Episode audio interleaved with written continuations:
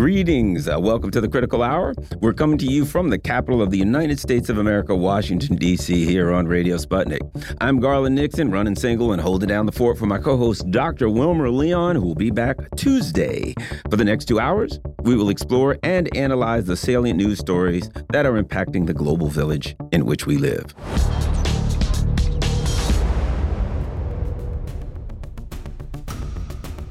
Western bank profits are increasing, and the EU is facing industrial catastrophe, amongst other things. Joining us to discuss these issues and more, we have uh, Professor Richard Wolff. He's a professor of economics and host of Democracy at Work on YouTube. Professor Wolff, welcome back to the Critical Hour. Thank you, Garland. Glad to be here. Well, we've got lots going on, but you know, uh, one of the things I wanted to touch base but before we get going is a, a, a uh, something that's I'm sure near and dear to both of our hearts. Um, the hundredth anniversary on the death of uh, Vladimir Lenin uh, was just celebrated, and uh, one of the particular things that he wrote um, was it, it, I'd like to discuss wage slavery to a handful of millionaires. Vladimir Lenin's letter to American uh, American workers on the centenary of the death of the leader of the world proletariat and founder of the Soviet Union, Vladimir Lenin. Uh, RT republished his article addressed to the workers of the United States in the late 1910s. The document played a major role in changing public opinion in the U.S. and intensified the mass movement in defense of Soviet Russia. And I suspect it intensified the anger, anger in the West towards Soviet Russia. Your thoughts on Vladimir uh, Lenin's uh, letter to American workers? Well, I think that the the analysis is correct. It was a letter that had a galvanizing impact on uh, people that were already drawn um, here in the United States to a history of socialism that had grown, homegrown American socialism that came out of the Wobblies, it came out of the Molly Maguires, it came out of waves of immigrants, but it was also true of of uh, native born Americans, and they were grasping around for what kind of a path to a better world, a world that would be better and, and than capitalism could be.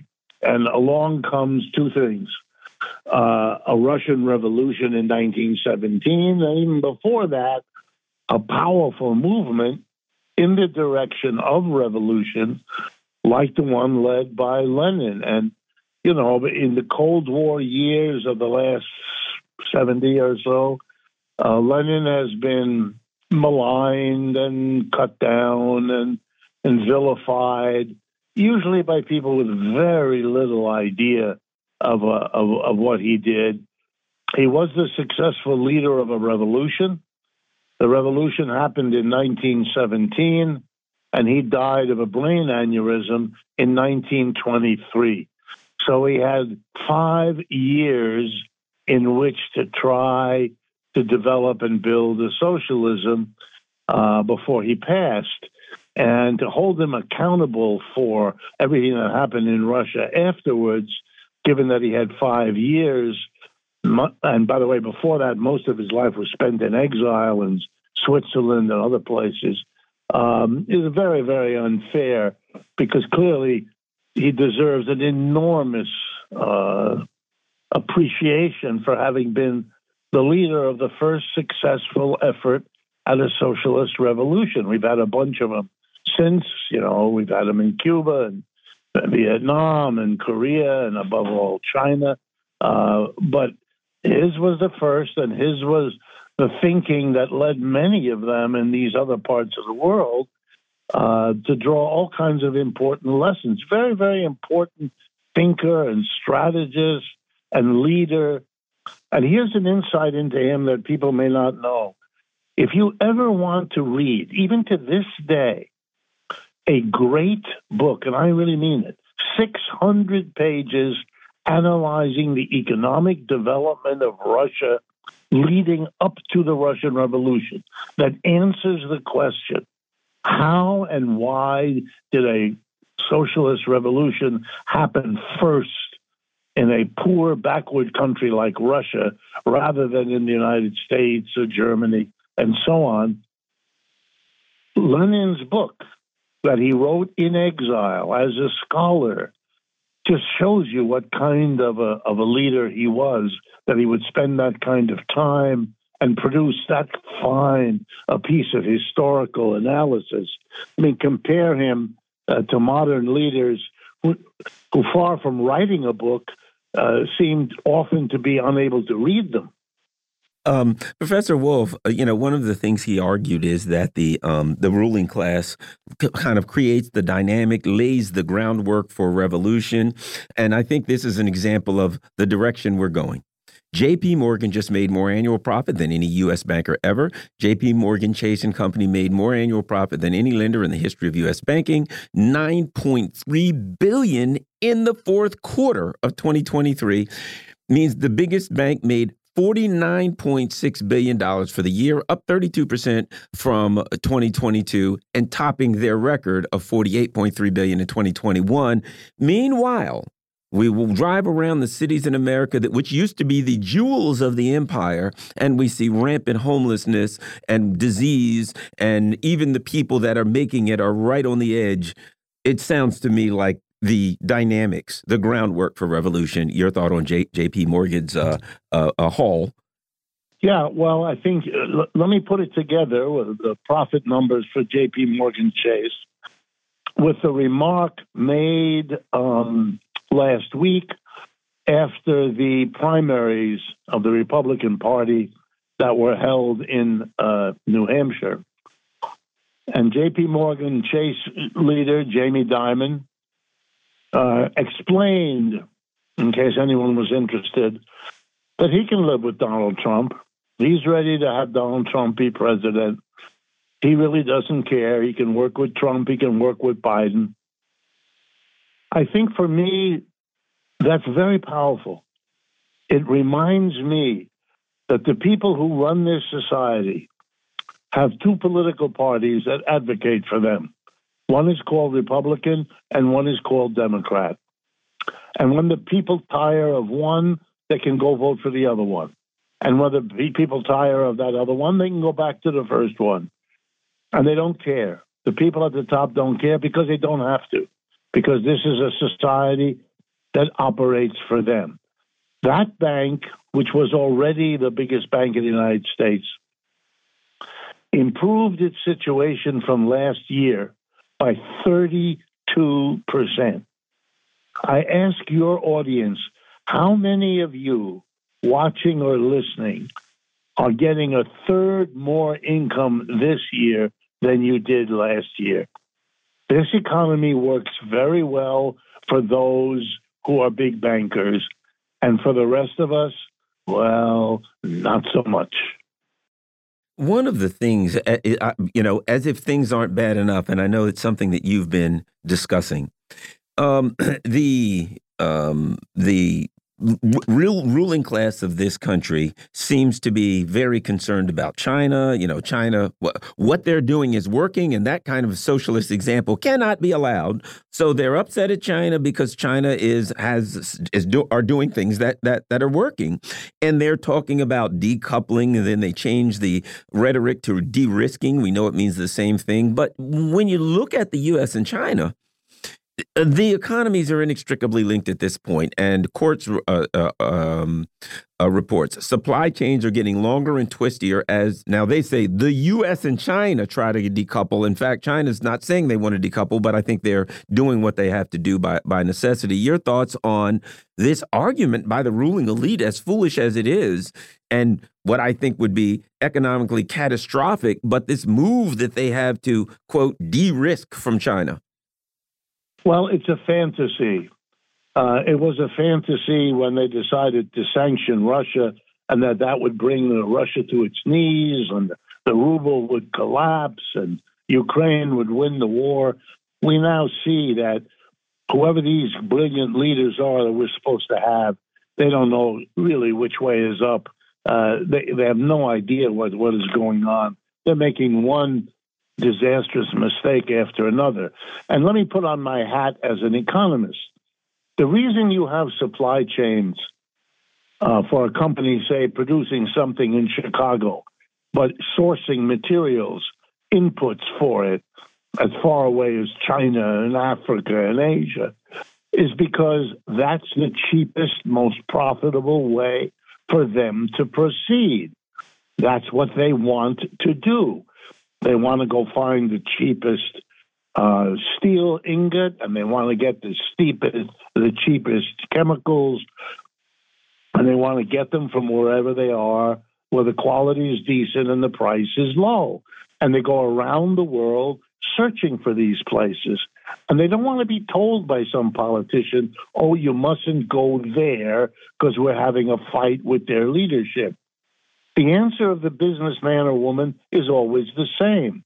I'm I'm not going to be helping you if I make no profit. If I have to go buy this stuff someplace else and pay twice as much for it, it's going to eat into my profit. Then I won't be able to sell my goods.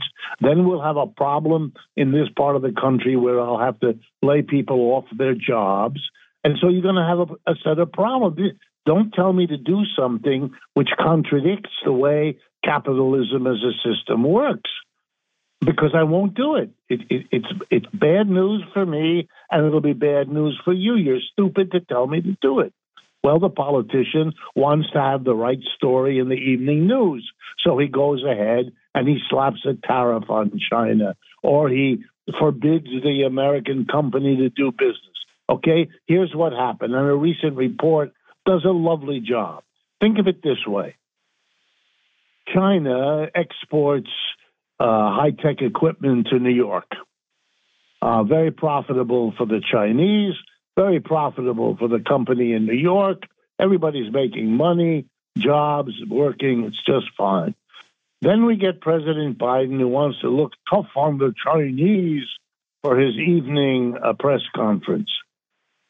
So he says, You can't come here without paying a, a, a fee.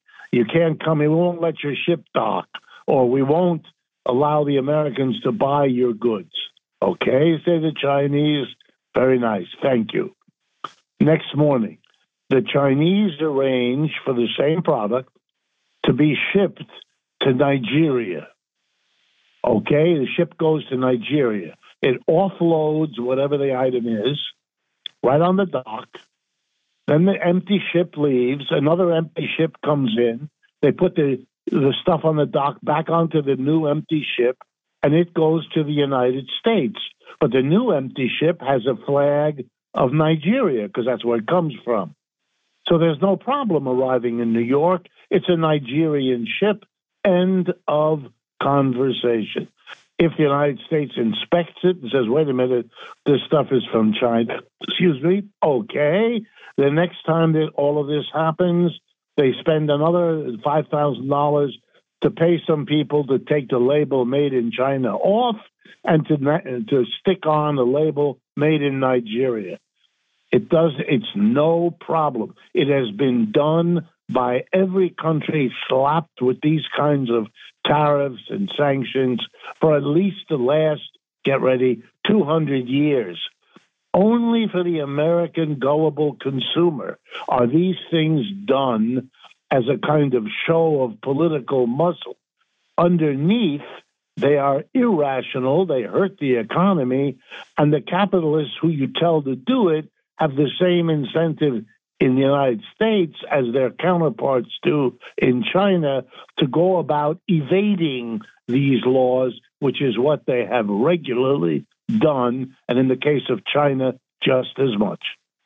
Unions sound alarm over EU's industrial collapse. High energy prices are dampening production and hurting the region's competitive competitiveness. Data shows someone we don't know who, um, but I think their initials uh, are JB, was involved in uh, cutting off uh, Europe from uh, cheap Russian energy, and it seems to me that they are in a downward spiral that is not going to reverse directions. Your thoughts, uh, Dr. Wolff? My thought is the following I don't make predictions, I don't believe in them, but I, I'll go as close as I ever get. I believe that you and I are going to see in the next six months explosive political changes in Europe. The Europeans did what the Americans told them to do two years ago. They imposed heavy sanctions on Russia basically refusing to buy Russian oil and Russian gas. The Russian economy was quite dependent on oil and gas, so this was a serious threat to them. What the Russians did was they wrote new contracts. They found new buyers for the oil and gas that the Europeans weren't buying. And those new ones were China, India, Brazil, South Africa, countries now gathered together under the heading BRICS, B R I C S. So it didn't work to bring Russia to its knees. But it did have what I believe was a, a consequence they didn't intend and that they didn't foresee. And that will be held against them for years to come. One of the great miscalculations of modern history.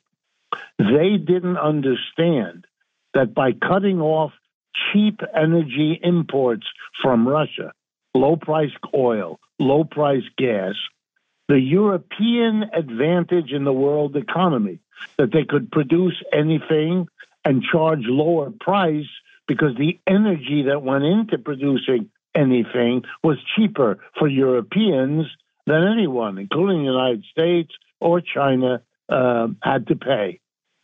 And what happened overnight was that the cost of energy went in Europe higher than it is in China on the one end or the United States on the other, effectively putting Europe at a competitive disadvantage.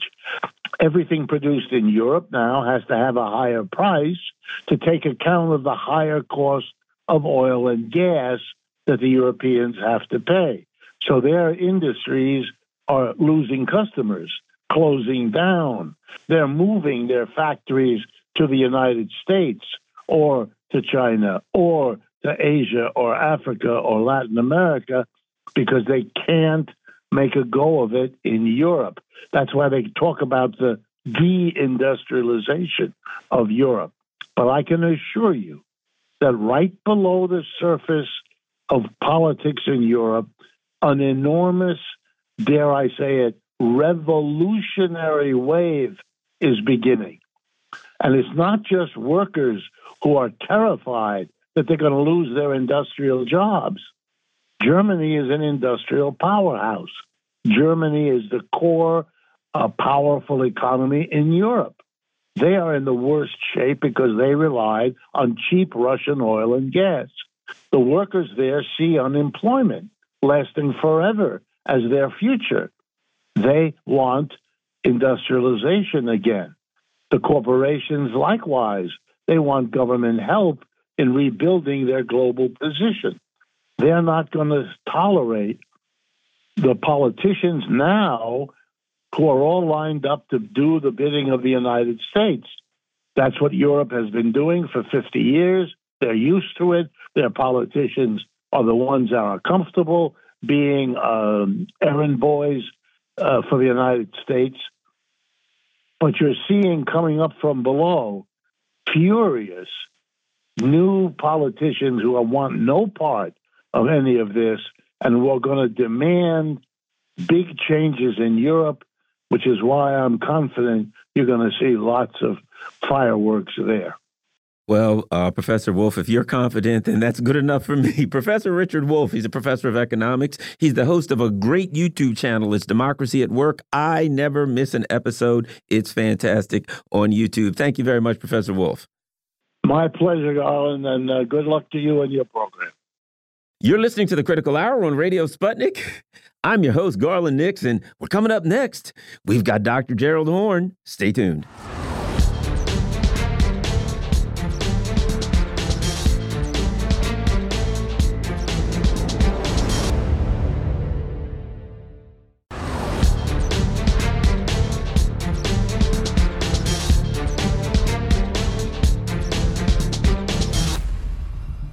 We are back, and you're listening to the Critical Hour on Radio Sputnik. I'm your host, Garland Nixon. The International Court of Justice has issued a ruling on South Africa's genocide complaint against Israel. The neocons push forward with their war on Russia and China, and the U.S. empire is exacerbating the Red Sea crisis. Joining us to discuss this and more, we have Dr. Gerald Horne. He's a professor at the University of Houston, Texas. He's an author, historian, researcher, and a graduate of law school, so he may know a little bit about this. Dr. Horne, welcome back to the Critical Hour. Thank you for inviting me. So, uh, English.almayadeen.net uh, for anyone who wants to go there. It's a great website. ICJ orders Israel to halt genocidal acts fails to order ceasefire. Um, the Israel had asked them to dismiss. They'd made uh, uh, claims on jurisdiction. All of that seems to have fallen to the side. And you know, Dr. Horne, I'm hearing you know mixed reactions. I'm hearing people say, "Darn, they dropped the ball. They didn't say you have to have a ceasefire." Others are saying, "Well, effectively, they implied a ceasefire." Your thoughts, Dr. Horne? Well, I tend to agree with the latter camp. I think that we all need to recognize that, like domestic law, international law is basically politics writ large. And politics writ large globally means that we've reached an inflection point in the international community. That is to say, there is a virtual standoff between the imperialist dominated bloc led by Washington and its sidekicks in Western Europe and Japan and perhaps South Korea as well, and the global majority, along with Russia and China. And uh, it would be unrealistic to expect an international court of justice, which, by the way, you might have noted that the majority opinion was read by a judge from the United States of America. Uh, you better believe that her arm was being twisted by her government, and that if she seeks to return home, she has to be aware of that fact. So uh, we should not downplay the larger politics involved in this opinion.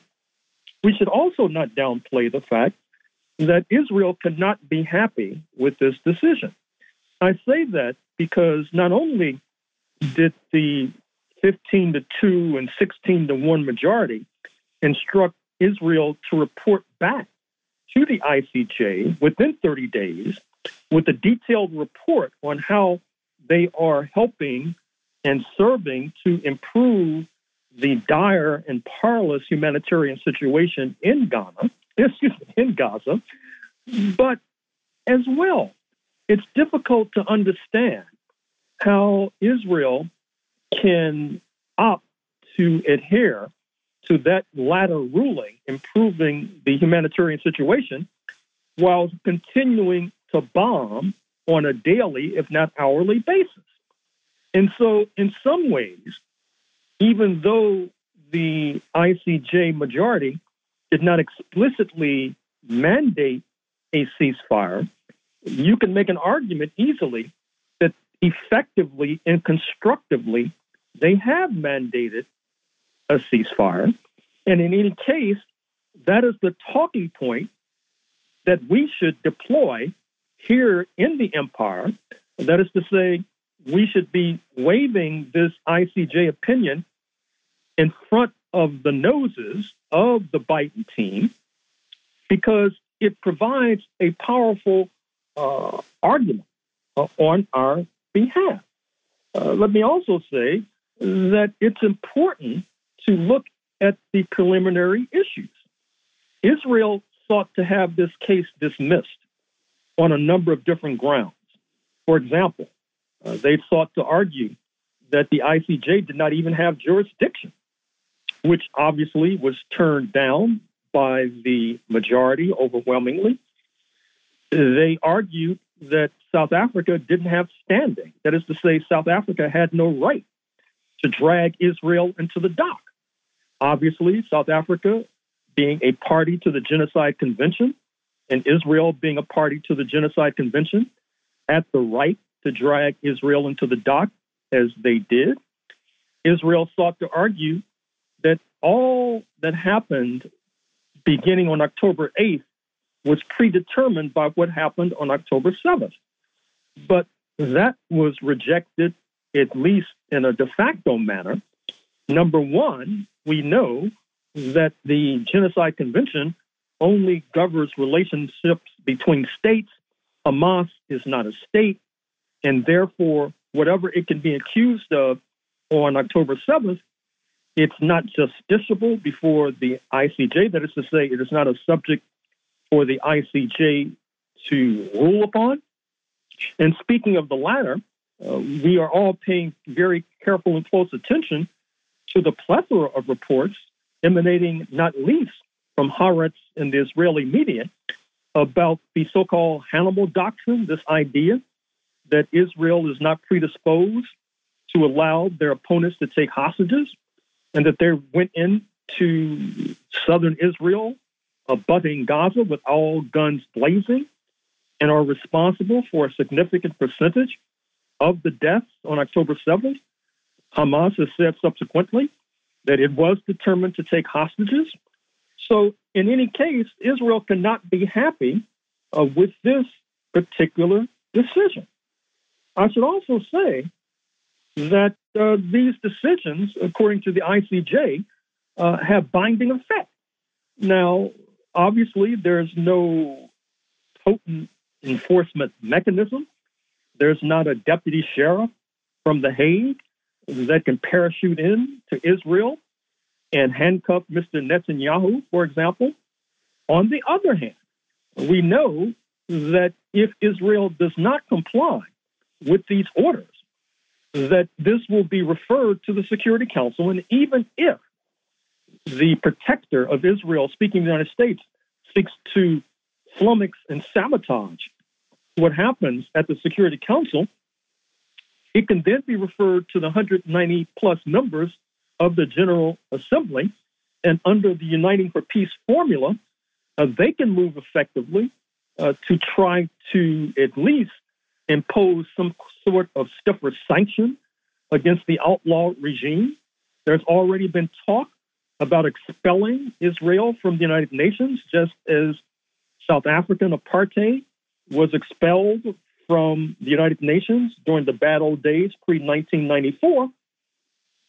And as well, uh, these rulings by the ICJ are need to be weighed politically and diplomatically because ultimately uh, they provide leverage uh, for the Palestinians and for South Africa to continue to pressure Israel. We know that U.S. imperialism is suffering reputational damage from its ill considered alliance with Israel. And this ICJ opinion is just further talking points uh, in that regard. Let me also say that in addition to this opinion representing a shift in the global correlation of forces against the tides of U.S. imperialism, it's also important to note that the ICJ opinion referred repeatedly to the loose talk coming out of Israel, the inflammatory language, which helps to infuse inflammatory actions. Minister Gallant of the War Cabinet, for example, speaking of the Palestinians as human animals. Uh, I trust that Israel will no longer with that sort of rhetoric, and hopefully uh, that will infuse more well considered actions as well. And speaking of the latter, and suggestive of the point that Israel is under pressure, we know that in the last 24 hours, the War Cabinet has supposedly released a 30 heretofore secret orders that purport to show that Israel does not have the requisite genocidal intent. Now, this is laughable because how do we know that these so called secret orders were not redacted before they were released? How do we know that if those orders were the alpha and omega of secret orders, perhaps there were 60 secret orders and they only released half of them? But the wider point is that it shows that Israel is feeling the heat. Also feeling the heat is the Federal Republic of Germany, which has sought to intervene on Israel's behalf. It does not have the potency in the international community that U.S. imperialism has, Besides, it has a stronger progressive and radical movement in the confines of the FRG. And this opinion will hit like a thunderclap against the already weakened and discredited government of Olaf Scholz, the chancellor. Rumors have already suggested that his administration is not long for this world. And this could be just the nudge that the progressive movement has to push his administration uh, over the cliff. That also points to the unavoidable fact that even though Israel and the United States routinely thumb their nose at the United Nations, the ICJ, which is part of the United Nations structure, did not do so. It relied heavily upon statements from the United Nations, from Secretary General Guterres on down. And this too helps to strengthen uh, this body uh, as we go forward. So I would say that Israel has suffered a stinging defeat. U.S. imperialism has suffered a stinging defeat. Keep in mind that South Africa has sought to add and join U.S. and U.K. as aiders and abettors in their particular lawsuit. Uh, this did not bring a smile to faces in the White House and the State Department. And we also know that this opinion opens the door for genocide claims to be brought by the besieged indigenous population of the United States of America. Sad to say, some of whom no longer exist, believe it or not.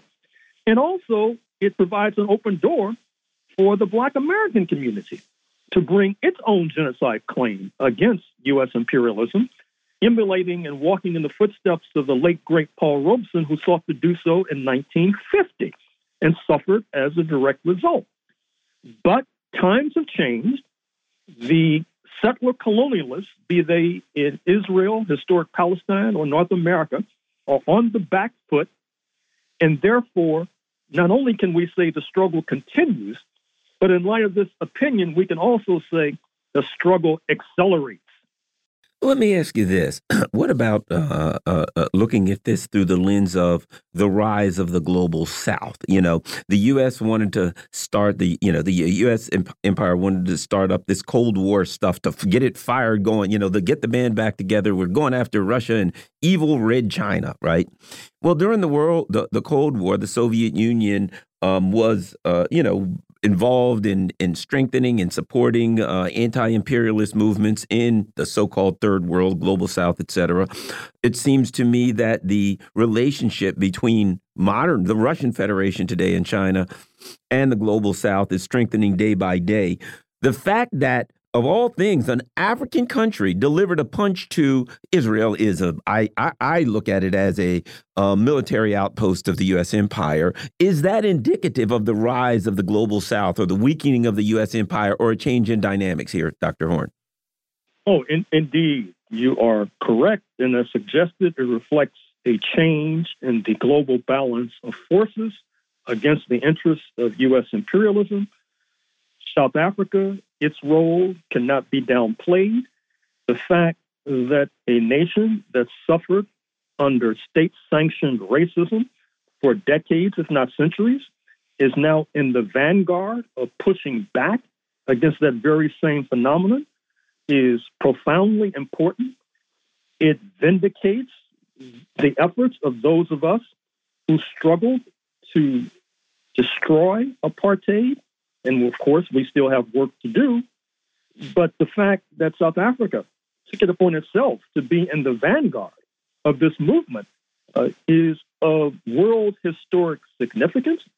Perhaps it's not accidental that Secretary of State Antony Blinken found himself in Africa this week seeking to shore up alliances, visiting Nigeria, for example, the country that is the most populous with the biggest economy in Africa, also a competitor of South Africa. That is to say, the relations between these two giants are not ideal, and clearly Mr. Blinken seeks to play upon those tensions and contradictions. And, and by the way, uh, it's also worth noting that a South African filmmaker uh, made a film that attracted considerable attention in Hollywood and in the United States, District 9, which portrayed uh, Nigerians as being aliens, evil aliens, virtually from outer space. Now, I did not approve of that film, but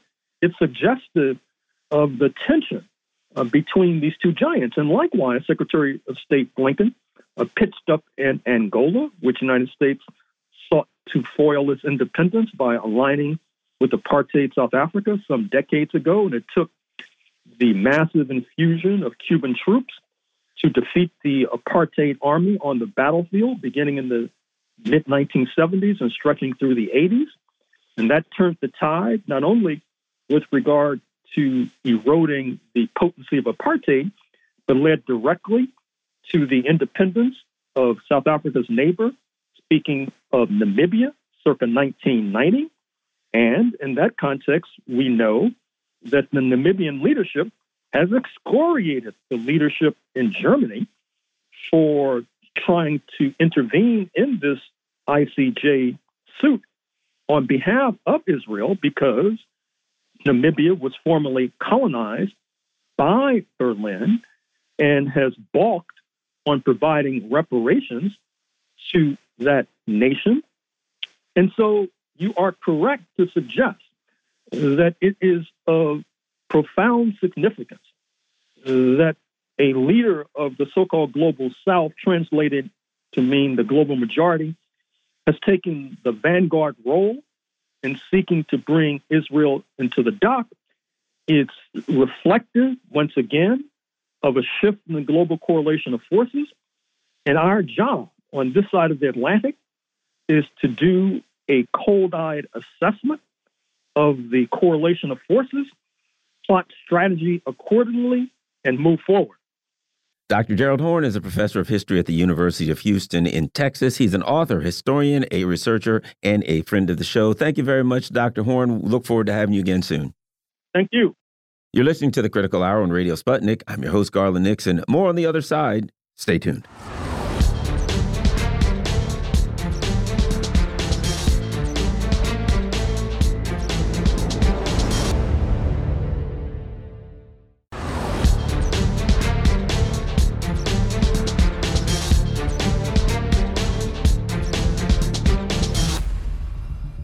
We are back, and you're listening to the Critical Hour on Radio Sputnik. I'm your host, Garland Nixon. The UK is cracking down on free speech as citizens are arrested as terrorists for passing out pamphlets opposing the Israel attack on Gaza. Joining us to discuss this more, this and more, we have uh, Joti Brar. She's the vice chair of the Communist Party of Great Britain, Marxist-Leninist, and uh, it, there was some of her comrades that were actually um, arrested. Joti, welcome to the Critical Hour. Hi, Garland. Thanks. Yeah, Joti is, uh, you can go to uh, with an S dot org uh, to find more about what she's doing in uh, Britain and that she is a, a comrade in the anti imperialist struggle. Joti, let's get started. Um, what do our, this is the first time our listeners in Washington, D.C. have been graced with your presence. Um, what happened in uh, that we need to know about uh, recently in the UK? Well, Garland, uh, as you know, there's a massive movement in, particularly in Britain and the USA, precisely because our governments are the ones who are the most responsible and most complicit for enabling uh, Israel's crimes and allowing Israel to be the type of state it is, an ethno, um, an ethno uh, supremacist a state, a racist state, an apartheid state, and a state which was founded on genocide and has continued to commit a kind of slow genocide throughout the 75 years of its existence, uh, but has massively accelerated that genocide in the last few months. Now, the the big protest movement against that is starting to make our rulers, I think, feel very worried, uh, precisely because you know, it comes after 20 years of a, of a kind of growing crisis of legitimacy that since the Iraq war, you know, people have increasingly started to become aware that they're being lied to, that you can't trust uh, the politicians, you can't trust the media, and that they're um, reason for doing the things they do is not the reasons that they tell us. So that's kind of the background. There's a big protest movement in, in uh, against the genocide in Gaza and in solidarity with Palestine in Britain. And of course, uh, people from my party have been there at all the big demonstrations in London. Now we have a pamphlet on Zionism. Um, which we have been selling for nearly 10 years. And of course, we've been taking it to these demonstrations so that people can, can see it and buy it if they want to. It explains the history of Zionism, which is the founding ideology, the racist and supremacist ideology, which kind of tells Israelis that they're right to commit the crimes that they commit. And um, we explain the origins of and the, and the reasons for that ideology in this little pamphlet. Um, a few months ago, uh, two months ago in November, four of our comrades were arrested by the police for handing out this pamphlet, and they were told it was an incitement to racial hatred. So you see, they're kind of trying to fuel a narrative. It was a political decision because it's not a new pamphlet. It was a political decision because they want to fuel this narrative that being in solidarity with Palestine means that you are anti-Semitic. Right. So that was the first arrest. Then two months later, just two weeks ago, at another very big demonstration in London, uh, four of our comrades were arrested. No, three of our comrades were arrested on the day for handing out a leaflet uh, which was saying what we've always said about people who are struggling against imperialist oppression, which is victory to the resistance, essentially. And they were arrested under the Terrorism Act. And each time our comrades have been arrested, they've sent large numbers of police to pick them up, large numbers of police to raid their houses. The first lot they did the, the raids at 3 a.m. The second lot they sent anti-terror police, armed anti-terror police, 10 at a time, to raid the houses of these people to look for leaflets and printers, essentially. But they pretended, well, they, they came as if they were looking for, you know, bomb factories. I mean, you know, because they came under anti-terror legislation, that's the kind of heavy-handed uh, activity they were doing. And then when our comrades went outside the demonstration, outside the police station the next day, uh, one of them who had been arrested the first time uh, was then picked up again in a very sort of violent way, as if they were expecting him to commit some, you know, heinous crime. And when he was interviewed um, about, you know, the terror charges, all they could come up with was by using the word Al-Aqsa flood to describe the Palestinian resistance operation, we were using uh, the terminology of Hamas and Hamas as a banned organization. And that was the best they could come up with. But I think something that your listeners will be interested to know is when we looked on social media afterwards, we discovered that there's a a, a, group of Zionists in Britain who hide behind a kind of looks like a quite you know friendly little website, a kind of blog, um, but they target the Palestine Solidarity Movement, they had taken photos of each one of the comrades who had been arrested. They'd taken a photo of our leaflet, a photo of our stall. They had uh, posted this onto the Metropolitan Police's Twitter account basically with an instruction saying, look, this is a breach of the Terrorism Act. These people support Hamas. You should arrest them. This is where they are. They put a, they put a map location for the police to come and find us. And sure enough, once the demonstration had gone past and there was no crowd left to protest and our people were packing up, a, a group of about 50 police swooped on them and picked up exactly the people that the Zionist blog had pointed at, saying, these are the ones who are offending you know when i hear that and uh, you know there was a there you, know, uh, you may be familiar with a kind of a small documentary that was done called the lobby. It it, it, it tends me it, it, makes me believe that you know that blog was maybe even a front for some operation that they they you know that there are very powerful powerful entities that are behind this and that they're going after particularly you and your comrades um not just for this particular issue, but I think there is concern that the ruling elite are losing um, a grip on their power and they're going after those who would, uh, let's just say, argue that it's time for revolutionary change. Joti.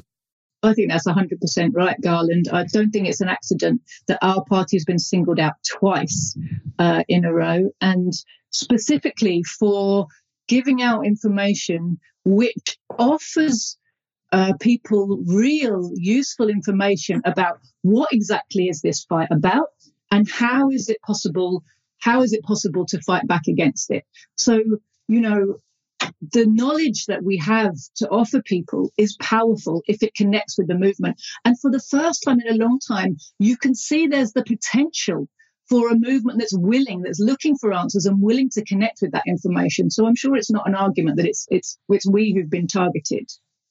And uh, you know um, something I just got a, a friend of mine just sent me um, a text a few minutes ago, and it was a uh, it was a, um, a, a Twitter account, and basically it was showing another um, uh, another ship hit by a missile in the Gulf of Aden. Um, one of the things that I believe is that the uh, uh, the fight against imperialism is kind of universal when it comes to the masses. I think that the what's going on in um, the Red Sea with Yemen, particularly in light of the finding of the um, ICJ today, the International Criminal Court of Justice, um, that the imperialist fight that's going on on the street in London is the same fight that's going on in Ukraine against the Nazis there. It's the same fight that's going on in um, in the Red Sea. Your thoughts? That's 100% right, Garland. The fact is that imperialism uh, is the enemy of the workers at home as well as of the oppressed nations abroad. And the sooner we recognize that and harness our fights together, the quicker we can end the whole system of imperialism and all of us get freedom and liberty. And so that's exactly why our party has the slogan victory to the resistance because we understand that when they are striking blows at our ruling class abroad they are helping us also towards our own victory our own liberation from this really oppressive rule of financial capital. And you know the um the the something else I wanted to ask you about, and that was something that we've discussed, but I'd like for our listeners to hear your take on it because we get a lot of calls and a lot of questions, certainly being Sputnik about, the uh, the conflict in Ukraine, the special military operation, and that is, you know, I've argued that that was a match being lit in a changing world that that was you know there was there was dry tinder everywhere in the forest and that lit the match. And then the next thing you know the africans are throwing the french imperialism out of um out of uh, uh um um you know the sahel. The next thing you know the um people in south africa are filing a complaint against us imperialism. Your thoughts on how that you the, the ukraine conflict in the start uh the start of that fits into this puzzle you know, you're right, Garland, that the the launch of Russia's SMO uh, two years ago now um, really kind of changed the perceived balance of power in the world and the actual balance of power in the world. You know, for a long time, really ever since the fall of the Soviet Union, the USA has been strutting around telling everybody, nobody can touch us, don't even try, because we have all of the power in the world and we're going to use it against anybody who gets in our way. You know, and as soon as the Soviet Union was out of the way, they were off on their wars to bring down any regime that they thought was was in their way that was a bit too sovereign. And you know, they haven't actually been as successful as they tried to be in those wars, but they did. They of course have wreaked horrendous destruction on the countries they targeted. You know, none of them was able to really um, land the kind of blow that they would have you know, the, the rest of the world would have liked to have seen landed on the USA, although they were able to stand up for themselves, most of them enough to kick the USA out in the end, you know, um, but not without a huge amount of pain and bloodshed and not without seeing their countries and economies really shattered. Um, but what we saw with with Ukraine is something quite different. You know, the war in Ukraine actually started in 2014 when the USA and its allies basically instigated a coup. They put fascists in charge um, fascists who they had been sponsoring and enabling for decades. It, they weren't. They didn't just come out of nowhere. They were an imperialist kind of creation already. They put them into power as their proxies. But essentially, the CIA has been running Ukraine since 2014, um, and areas in the in the east which were ethnically Russian um, and historically Russian and anti-fascist to boot. I mean, they were the people who were at the in the crucible of the anti-fascist war in the in the ni- early 1940s, right? These people know about fascism. They were not going to put up with a fascist government being put over them and their elected government being just thrown out. So they rose up. They uh, launched an anti-fascist war they actually defeated the Ukrainian army and liberated their territory. They voted, they had a referendum for independence, and they asked Russia for support and recognition. Russia was very cautious for eight years. For eight years, the people of Donbass stood alone against um, the Ukrainian army. And the Ukrainian army had essentially been turned into a NATO army, the biggest NATO army in Europe. Um, it was a proxy army for the USA under the control and the training and the command of the USA. And this army was being used against the people of the Donbass, but it was also being prepared to wage a war against Russia. And finally, Russia was forced to recognize that the peace process wasn't really a peace process, that you couldn't trust anything the Americans said, that they weren't, you know, kind of uh, good actors, and that they were going to be forced to to fight uh, against the Ukrainian army at some point, and they were going to have to get on and do it now because uh, it was obvious that the Ukraine army was preparing to launch a massive offensive. So they came to the defense of the people of the Donbass and started their anti fascist operation in Ukraine. In the process, they did something that electrified the world. Not only did they put a line in the sand and, and show themselves to be a, a peer competitor with the USA, but they also showed that the US's threats, the US's pose to be the strongest military power in the world, the strongest economic power in the world, the strongest political power in the world, had become hollow. This process has been happening for a long time, but suddenly it's exposed before the, the masses of the world that um, countries can stand up to the sanctions of USA and survive. In fact, the sanctions regime launched by the imperialists has rebounded massively. It's had a huge impact negative impact on the economies of Europe, while Russia, which let's not forget, they, they were given warning about sanctions because they've been being sanctioned since 2014. And because of that, they'd already been taking measures, slow and steady measures, cautiously taking measures ever since then to make their economy more resilient.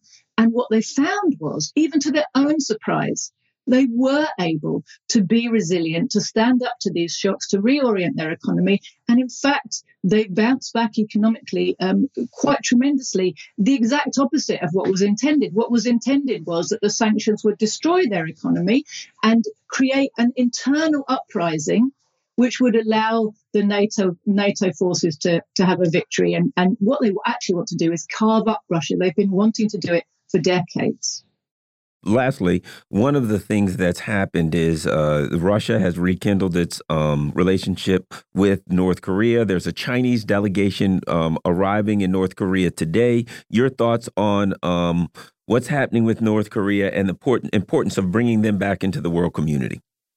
You know, I think this is a fantastic development. Um, North Korea is the oldest existing now socialist state in the world. Uh, the longest ever existing socialist state in the world. It has been a socialist state for 75 years. And contrary to what the propaganda tells you, they're not, uh, you know, kind of secretive and isolated. The, the imperialists have tried to isolate them from the world. Um, at, at various times, they've been more or less successful in that, but North Korea has never, ever buckled under that pressure. They have continued to do what they need to do to develop their economy, to take care of their people, and to develop their military capabilities for self defense because they understand that unless they have a strong military, they also won't have a country anymore, right? They know. Uh, uh, unfortunately, we only got about we got about thirty seconds. I have to ask you, ask you to wrap up. Oh, so it is wonderful to see the axis of anti-imperialist resistance coming back together. Absolutely. Yeah, I agree. It's important because, you know, we get a narrative here. And the narrative is North Korea, you know, the usual. The leader's crazy and he's evil. And we see pictures of North Korea and they're always in black and white because North Korea is so evil. They don't even have color. Everything, I think even the grass is black and white. Well, Joti Brar is the vice chair of the Communist Party of Great Britain, Marxist Leninist. Joti, thank you very much. Thank you. You're listening to the Critical Hour here on Radio Sputnik. I'm your host, Garland Nixon. Dr. Wilmer Leon will be back on Tuesday, and uh, we're going to have a great time. We've got a We got a couple of great guests coming back coming up next. We got Jim Kavanagh, Steve Poikonen, Ajamu Baraka, Dan Kovalik. We'll be right back.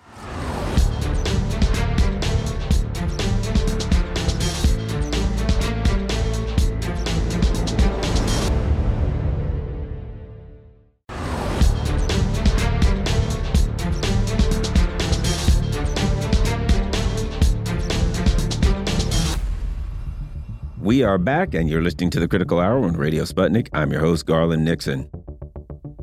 The International Court of Justice has issued a ruling on South Africa's genocide complaint against Israel. The 2024 election is heating up, and Julian Assange is ignored by Western, allegedly pro journalist groups. Joining us for these exciting stories, we have Jim Kavanagh. He's a writer at thepolemicist.net and Counterpunch, and he's also on Rumble. Jim, welcome back to the Critical Hour.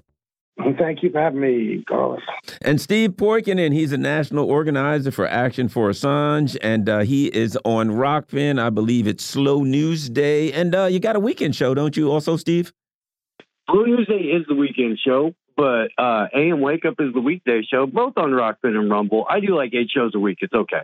Oh man, you're you're you're you're almost as bad as I am. All right, let's get started. Let's get each of you your thoughts. Jim, your thoughts on I was going to make some statements, but I'm not going to ask. Uh, I'm, I'm not going to badger the witness or or ask any leading questions. Jim, your thoughts on the ICJ ruling? You know, as I understand it, I've read a few things about it. Uh, look, they upheld South Africa's complaints and concerns. They ratified them in the sense that they said these are reasonable complaints, and something should be done to uh, oversee and prevent them from happening. Okay, they didn't call for a ceasefire. That's that's not great, but it's not it's not. Uh, I'm not. That's not. That's not a deal breaker for me. The problem is uh, what's going to come of this, and uh, the good thing that's going to come of it is a lot of a lot more lawfare, a lot more now uh, attempts to bring this before the Security Council. You know, China may try and bring Palestine into the uh, uh, recognition of Palestine, a lot more lawfare that's going to further embarrass the United States and Israel because they, although they're trying to, with the coverage of it, they're trying to pretend that this ruling uh, left Israel off the hook, you know, uh, uh, and and that's not what it does at all. But that's effectively what they're going to say. What Israel and the United States are going to say this is that, and uh, the other, the, the, negative side of it, I think, is that in effect it's going to be what Richard Medhurst said.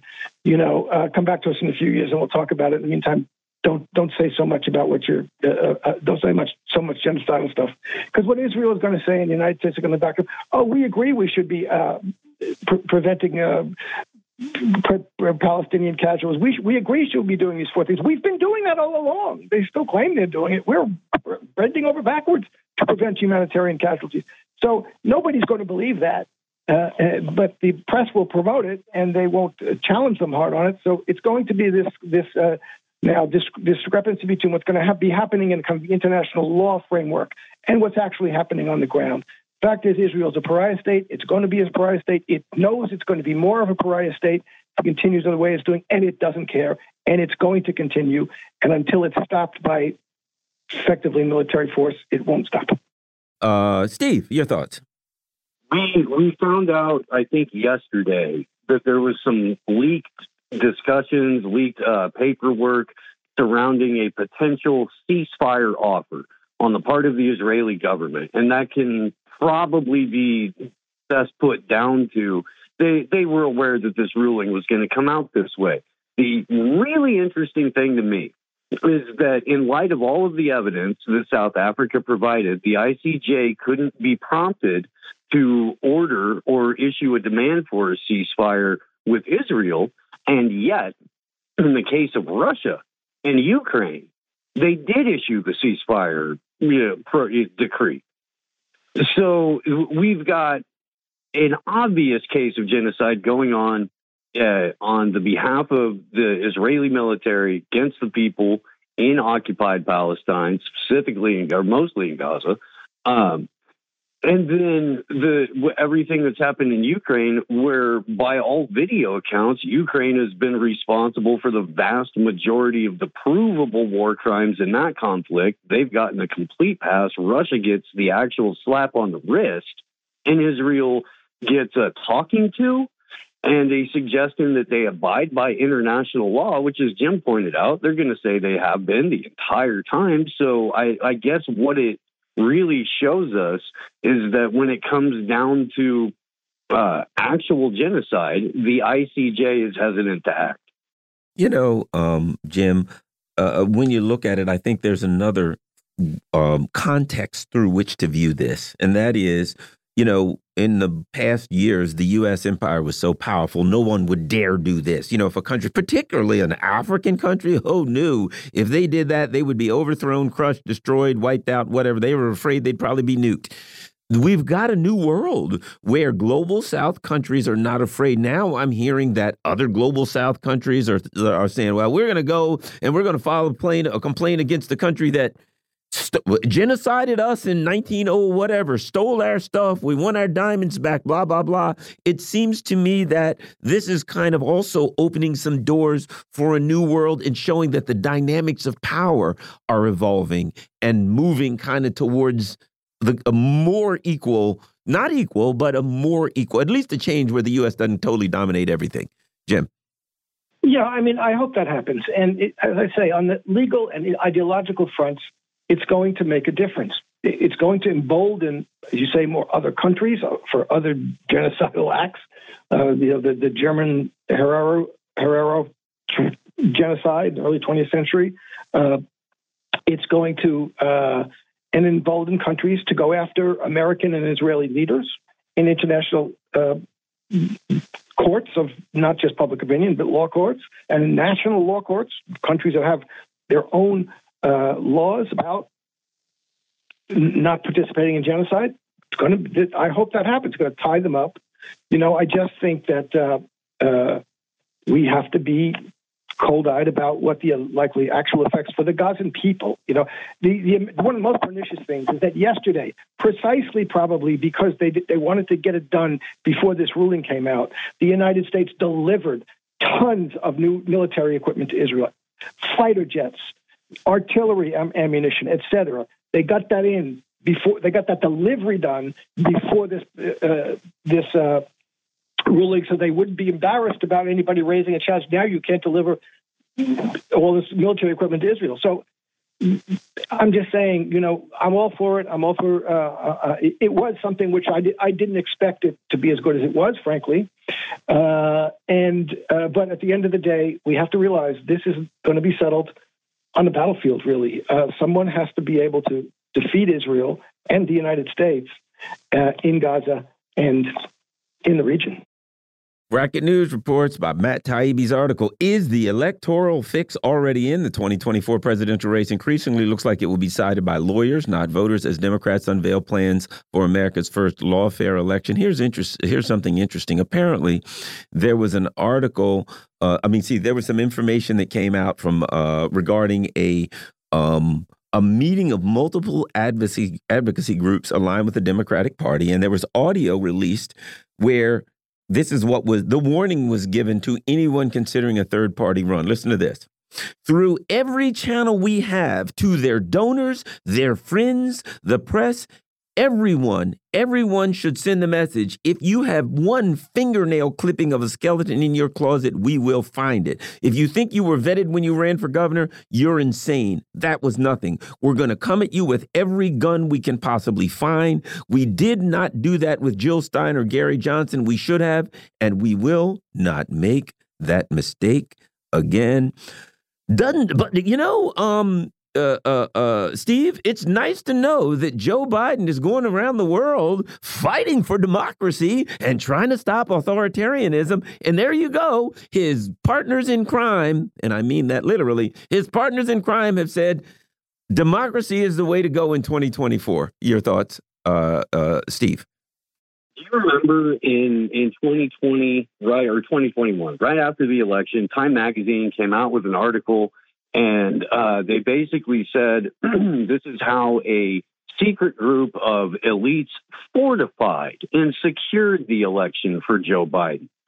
That should have tipped off everyone that the process was illegitimate.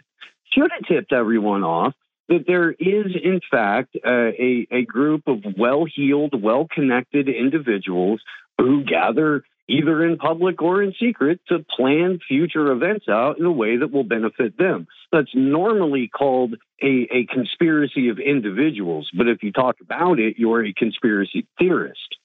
Um, we, this what what this shows is what anybody in media and, and, anyone who's covered politics for a while uh, has long known.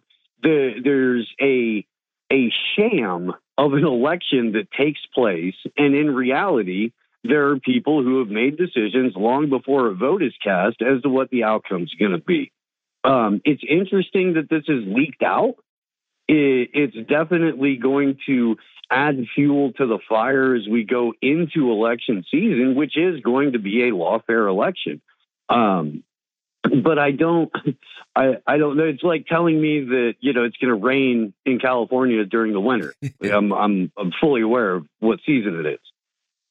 You know, Jim, as they uh, go after uh, Donald Trump now for um, actually claiming that he was not um, confident that the 2020 election was on the up and up. And might I say, ever since they had voting machines, or uh, I may not have been around back then, but ever since they put the bullet, a bullet in the head of a presidential nominee, and might I add, the bullet in the head of a excuse me of a president and a presidential nominee who happened to be his brother. Ever since then, I felt maybe things weren't quite on the up and up. And then they come out with voting machines with proprietary software, and uh, we can't know what's in them. So now they're going to go after they're going after Trump, trying to put him in jail for saying what a lot of Americans are kind of been thinking long before this election people are concerned about the propriety of the elections. Uh, your thoughts, uh, uh, Jim? Yeah, you know, as I've always I've said for a long time, the, the American electoral system is designed to enable fraud. First of all, it's a system of bribery, and they they've been confident that they can control it in various ways, from putting bullets into people's heads, but more mundane ways of the, the system of bribery and, and, and money control that they exercise very carefully and they feel like they've lost control of some reason. Donald Trump, one of the main things I don't like is he, he they don't control him and quite do, even though you know his action they do it when he got into power. What did he do? I mean, he didn't do anything particularly different, but they just don't think they can control him, and he's bringing the pitchfork to the Capitol, et cetera. And uh, so they don't they they they, they want to they want to get rid of him. So I I don't you know, so yeah, there's no reason anybody should have confidence in this electoral system. Uh, as you said, Joe Biden said it before this election. We have electronic voting machines that you can't even ever find out whether there's been cheating or not. And that's the that's the case, and nobody does anything about that. So you're going to have arguments about whether the vote was, was uh, valid or not. The Democrats in 2005 came to the January 6th meeting and said, backed up by activists, we we don't want to vote to certify this election because we were we were cheated in Ohio, and they probably were right. And if you're interested in democracy, you bring people to the Capitol to protest that. You don't just say, okay, we were cheated, but we'll just forget about it. Then what interest do you have in democracy? I mean, the fact is, people can't do anything about this. The, the problems with the electoral system have to be solved before an election. You can't solve them between the election in January uh, and, and, the inauguration. So they're going to come up again and again. And as Steve mentioned, there was that article about the cabal. That was the word that was used by the uh, Newsweek or Time author. You know, of, of people setting a whole network of people getting ready if Trump were elected to have massive demonstrations all over the country to refuse Trump election. So this is going to happen again and again we have an electoral system in which nobody can have confidence in whether the person you voted for, the person you cast your vote for, the vote was counted for the person you cast your vote for. And uh, nothing, I don't see anything changing about. They're not. They're not fix, fixing the electoral system. They're not fixing American democracy. What they're doing is ginning up partisan arguments about things that will never be solved because they're not going to the root of the problem, even procedurally in the electoral system. And there's going to be more it's going to uh, it is going to go from but from lawfare in the courts i'm afraid really to street fighting in the streets Uh, uh, let me tell you, um, Steve, I have evidence here as to why Donald Trump should go to jail for the rest of his life for claiming that the 2020 election was rigged. Listen to this right out of the Washington Post. November 2, 2017. Elizabeth Warren and Donna Brazile both now agree the 2016 Democratic primary was rigged. Oh, wait a minute, Steve. Wait a minute. Uh, something's wrong here. Your thoughts? There was a court case right after that, too. A friend of mine, Jared Beck, uh, sued the DNC. And, and in that courtroom, Bruce Spiva, the attorney for the DNC, said things like, uh, we can pick our candidates in smoke filled back rooms. He said things like, technically, there's no such thing as a Democrat. He also said, we're a private organization. We have no responsibility or uh, legal standing to abide by our own rules or statutes. We can and will do what we want. That should have buried the party. And yet somehow, seven years later, we find ourselves in a situation where Pop Pop with dementia is supposed to be legally street fighting the bad orange man who's also in the WWE Hall of Fame. Now, I'm I'm by no means a a you know, uh, astrology or woo person or anything like that. but the idea that the Mayans, the Mayan calendar is what, you know, completely ended time as we know it, there might be something to that. Because we're now in a situation where the the sitting president of the United States and his vice president are running around screaming about the possibility of what happens if we let this guy back in and they're doing absolutely everything, including having their political opponent uh, at least attempted to be arrested and removed from the ballot in real time. like Israel. Every accusation is a confession. And um, uh, the thing I find interesting is, you know, in 20, um, what was it, 2008, they came in and there was, you know, uh, uh, there were there were uh, numerous allegations um, against uh, Karl Rove. There were, you know, there was the the the uh, um, uh, a number of allegations, including torture against the Bush administrations. There were a number of assertions of criminal activity, and that needed to be looked into. And Barack Obama said, "Hey, look, we're moving forward. We're not going backwards. He's an ex-president. Blah blah blah." Now with Donald Trump, for some reason, a person ran for office and said, "If you elect me." I'll find something to charge Donald Trump with. They got elected, and literally, where they're like, "Hey, Donald Trump." Oh, now this is going to shock you. Nobody's ever done this before. He overvalued the price of the, the value of his real estate in New York, but the bank didn't complain.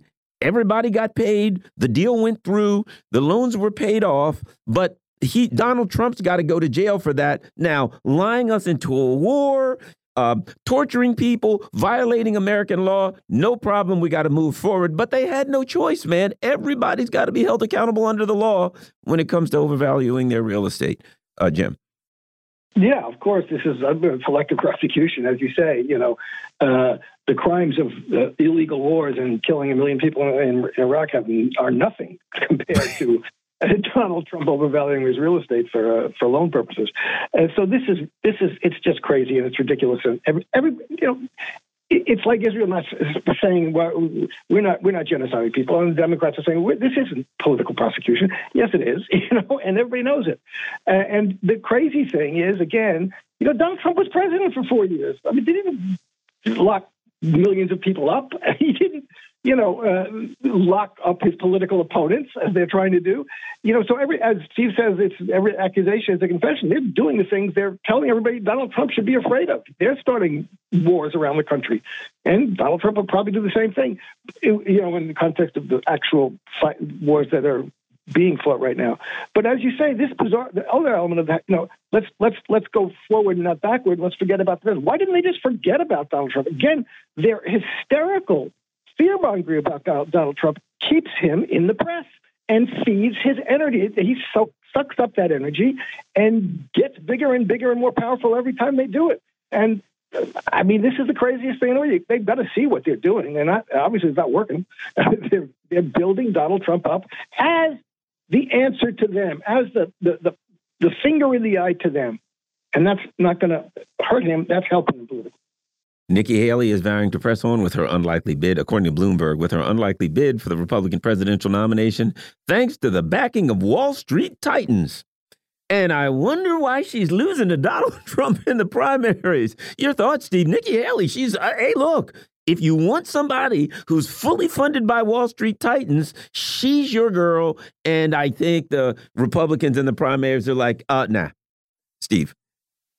The exact same Republicans that couldn't be moved to uh, to pull the lever for John McCain when it came down to the general election against Barack Obama. The the exact same Republicans that couldn't be moved to elevate Dan Crenshaw to a higher position than the one that he's currently at. Uh, all of those Republicans are now supposed to get on board for Lady John McCain. that's that's what's supposed to happen because Nikki Haley is John McCain in a dress. She is. There's no well, except for the fact that Nikki Haley never wore a uniform. But but aside from that, aside from the fact that she's merely an armchair murderer uh, or aspiring armchair murderer, there there's really no difference between her and John McCain. And the same money that always wants some dead-eyed, soulless neocon in the White House is always going to support whatever dead-eyed, soulless neocon decides they're going to try to run for president this season. it, it is she's a hollow human being, and, and I don't I, I don't have a a a radio friendly way to continue. as soon as you say dead eyed and soulless, I think of our Secretary of State. At any rate, uh, yeah. it's Nikki Haley. Maybe she's uh, Tony Blinken in a dress. I don't know. Whatever, in heels. Your thoughts, uh, Jim? And uh, Hillary Clinton. Oh, yes. I mean, really, she's a Republican Hillary Clinton. And, you know, people see that. And that's why she has the backing, as Steve says. You look, the line in uh, uh, Taibbi's piece, you know, that the elites have lost confidence that in the democratic process because they can't control it anymore. They can't control the people anymore. And the people have lost confidence in the elites. And this is quite clear. And Nikki Haley represents the Republican elite, you know, the, the, the options the Republican elite wants for their party, okay? The neocon elite, the Wall Street elite, the Zionist elite. And she's going to have money going forward, and they're going to put a lot of money into it. And I saw that one of these articles that you know Nikki Haley has already got two and a half million dollars budgeted uh, bought of ad time in South Carolina, and Trump hasn't bought any yet. So you're going to be careful about that. But uh, this is the case. Nikki Haley represents the elite, and they're the elite, in they're trying to get control of the Republican Party and prevent what would be the voice of the people being heard the Republican Party, or or co-opt it in some way. Democratic Party is already co-opted completely, and is a completely undemocratic party, and the elite manages that and doesn't let anybody will never let the real Demo- the real voice of the Democratic constituency de- determine who's the nominee. So this is the situation we're in, and it stinks. Uh, Caitlin Johnstone, in all her brilliance, has once again written an article. Gaza is exposing Western liberals for the frauds that they are. I got to disagree with her on that because I really would argue that when they started supporting the Azov battalion, goose stepping, Hitler tattooed guys walking around with a dog eared copy of Mein Kampf in their book bags, I'm like, and and the liberals were like, well, you know, there's Nazis everywhere, and I'm like, well, no, not really, there aren't, but I guess it doesn't seem to bother you much. Uh, your thoughts, Steve, on the uh, Western liberals from Nazis to genocide? Man, they ain't doing real good these days. No, they're really not. And this is why they have to focus on Donald Trump for everything, because then if they don't, people might examine what they've said and what they're doing, what their positions are, and how incredibly inconsistent with their rhetoric their actions are. Yes, they supported the Azov Nazis, but they've also supported every single brutal totalitarian regime that they possibly could since at least the formation of the Democratic Leadership Council in 1986. But as we all know, way before that, too. This just happens to be the business friendly version that has been the forward moving face for the last 30, 40 years.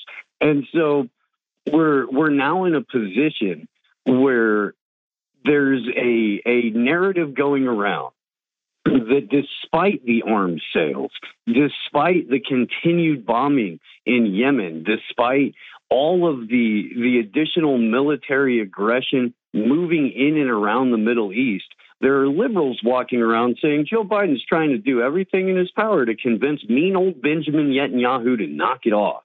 And, and you're driving the nation schizophrenic this way. I'm starting to think that a psychotic break for the entire country has been the whole point of the last 10 years.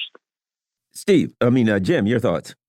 Yeah, you know, this is a very good point that, that, that Caitlin is making here. This really does, and the, the pretzel mind mind screwing of themselves they're doing to try and avoid it. It does demonstrate the hypocrisy and the vacuity of the liberal, liberal, the moderate liberal position. Let's say the Western liberal position. Look, they're against genocide. They're they're they're against racism. You know, uh, they're, they're, if Russia you know kills ten people, it's a genocide. You know, the, the Chinese you know uh, build schools for the Uyghurs and uh, you know who are it's a genocide. So uh, it's cultural genocide. So now you have Israel killing 30,000 people, 15,000 children every day, blowing up entire apartment streets, killing hospitals, killing doctors and journalists and teachers at home with their families, deliberately targeting. There's no missing, no collateral damage. And it's like, oh, well, maybe genocide. So, you know, the fact is, those people who say they were anti-racist, apartheid is bad, Jim Crow is bad, oh. but when you see unbelievable apartheid and Jim Crow and genocidal slaughter of Palestinians by Israeli Jews, well, we can't say anything about that. You cannot. I, I, I deny anybody the right to call themselves anti-racist who accepts what Israeli Jews are doing to Palestinian Arabs because they're not Jews and because they're the wrong uh, ethno religious identity. And that's what's happening in the world, and it's impossible to, to deny, but they're going through all kinds of, as I say, psychological, intellectual, pretzel logic to try to deny it to themselves. And the only people it's working on are themselves. A pretzel logic, a Steely Dan illusion. I'm a big Steely Dan fan. Uh, uh, uh, fan. Yeah, you know, um, um, Steve. And uh, here's the thing about it. When I hear, I've heard people say this. Yeah, I'm real concerned about Germany. Why? Because the AFD may win, and and Nazis and and uh, fascism will come back to Germany. And I'm like, the government there is literally sending tanks to guys who worship the mustachioed gentlemen from Austria. They're like wearing swastikas and Sieg Heiland and goose stepping around. The government of Germany is sending um, uh, uh, uh, weapons to Nazis on the Russian border. And you're afraid that fascism is going to return back to Ger back to Germany, uh, Steve? Well, it's it's the fascism against the people that we like that we're concerned about. It, when fascism happens to people that we don't care about, Garland, it's not it's not fascism. It's uh, defense. It's patriotism. It's uh, and all of the good things. It's just there. There's uh there's some mean things that this one lady says about immigrants. And sure, nobody is even trying to address the fact that if we weren't destabilizing those countries, there wouldn't be an immigration issue in the first place. We just don't like the words. So we're going to call that party fascist while we're locking up people for saying things on the internet, while we're instituting a, a not just a, a local, but an international global surveillance state while we're making sure that we get everybody's ID registered and onto a database that coincides with their retina before they're allowed to spend money. So you see, fascism is knocking at the door, and we've got to prevent it. Yeah, it's it's uh, to me. There's different types of fascism. Yes, there is an ultranaturalist fascism, but I think there's an ultra liberalist fascism that is there, and so it's uh, you know, it's like, do you want chocolate, strawberry, or butter pecan fascism? You know, Jim, I like my fascism with nuts because they're crunchy. We've been talking with Jim uh, Kavanagh. He's a writer at uh, thepolemicist.net and Counterpunch, and he's on Rumble. Find Jim on Rumble. Jim Kavanagh, know you in the gnaw. Jim will get very mad at you if you add a U to Kavanaugh. Steve, You can find Steve Poikonen Slow News Day and AM Wake Up on Rokfin, R O K F I N.com. He's also, very importantly, the national organizer for Action for Assange. You listen to the Critical Hour on Radio Sputnik. Be right back with Jamu Baraka and Dan Kovalik. There's more on the other side. Stay tuned.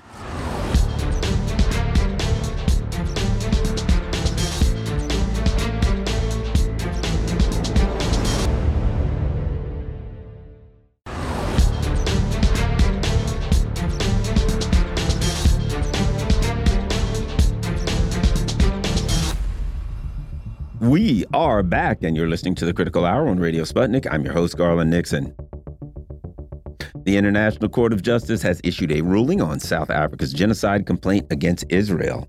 Muslim voters prepare for the 2024 election, and the power of the global south is rising. Joining us to discuss this and more, we have Ajamu Baraka, 2016 U.S. Vice Presidential candidate for the Green Party, and Dan Kovalik, author and international human rights lawyer. Gentlemen, welcome back to the Critical Hour. Thank you. Good to be here. Thank you.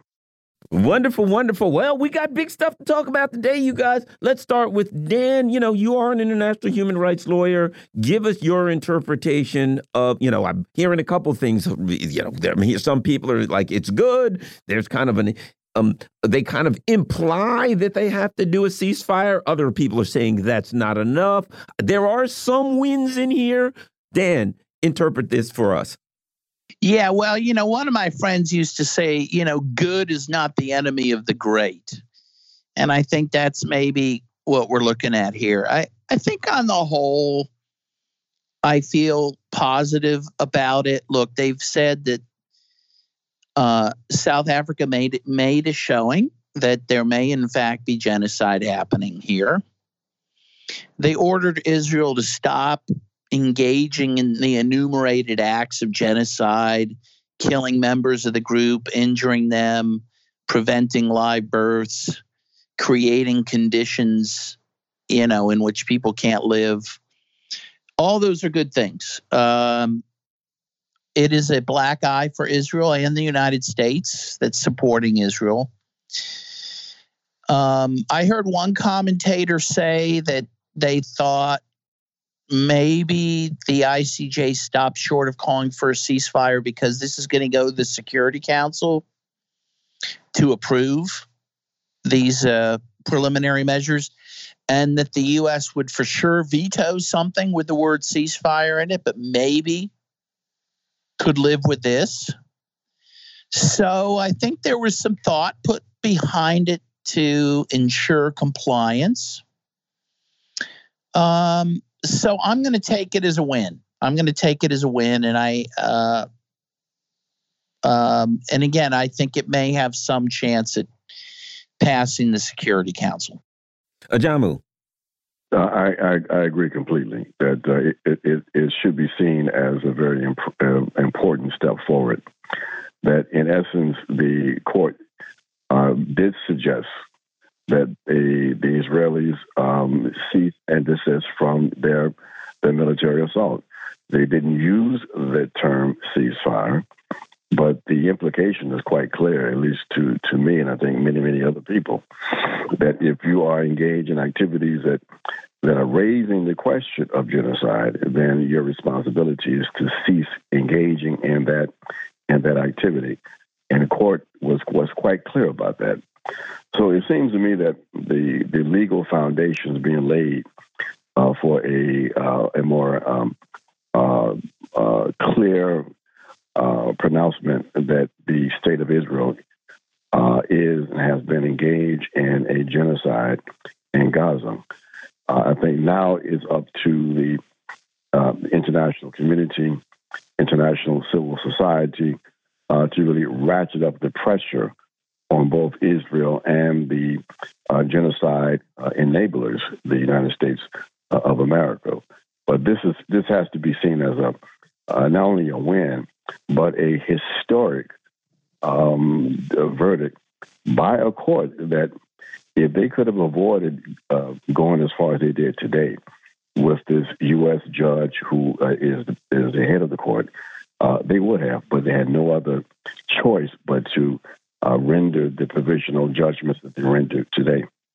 You know, one of the things I think is um, it, it, puts a black eye on the U.S. empire because of the rhetoric. There's a, a, a John Kirby a while back said literally the U.S. opposed the ceasefire, and he said the U.S. saw no signs of war crime. Um, numerous U.S. officials said that uh, South Africa's case was, quote, without merit. So I think the other thing is it demonstrates that the U.S. is not an honest player, is not an honest actor in this particular um, conflict, or in any conflict for that matter, but in this particular conflict, as with all others, not an honest actor, and that now they're when they um, if if they exercise a veto, whatever they do, it's been demonstrated that they are extremely biased, and I think it's a black eye on the U.S. because of the rhetoric they've been using about this case, amongst other things. Your thoughts, um, uh, Dan? Yeah, no, it's going to put the Biden administration in a real pickle, right? Because you have all these humanitarian interventionists in the administration. Samantha Power, who's head of the USAID, is probably the chief amongst those. Um, I believe Susan pa- uh, uh, Samantha, uh, sorry, uh, Susan Rice is still in the administration too. Also, a big humanitarian interventionist, and even I would think of Blinken and, and Victoria Nuland would fall under that. They're kind of right wing humanitarian interventionists. Now all of them have to, especially someone like Samantha Power, who she came to prominence by writing a book about the West's failure to stop genocide. What is she going to do with her job in the Biden administration? How does she continue working with this decision? I think that these people, if they continue on with the Biden administration, as you say, will show what big hypocrites they are and that we always knew they were. Um, how can the U.S. be talking at all about human rights after this? and about intervening in other countries to promote human rights. It's just absurd. It's absolutely absurd. And, uh, you know, I think that there will be people, I hope, in the administration that see it as such, you know, as absurd. But we'll see. I mean, I don't give them a lot of credit for being thoughtful, decent human beings, of course, but you know they're they're in a bind. And i think politically the biden administration is going to suffer because of this decision. You know ajamu one of the things we could use the term hypocrisy but a term i like to uh, a phrase i like to use is the contradictions of imperialism. You know, the imperialists have to come up with a lie, an excuse, particularly internally, so they can run advertisements here, recruiting advertisements. You've probably seen them for the for the for the Navy. The Navy, a force for good. So this is exposing the contradictions of imperialism. And you look at the Ukraine conflict. Oh, Putin's doing this. We can encircle countries with bases. We can threaten them, and if they do anything to defend themselves themselves are pushed back. They're doing human rights. I think this is a contradiction of imperialism that can't be denied, and then it's blatant. And the difficulty is going to be also explaining this internally with their with their rhetoric. Ajamu. Well, um, you you you you're right, uh, uh, Garland. That part of the ability of the uh, rulers to maintain their their dominance, and in particular in the, the modern era, is through the, their use of symbols of of ideals of and and, and so the so, so the ideological component really becomes uh, a very important instrument.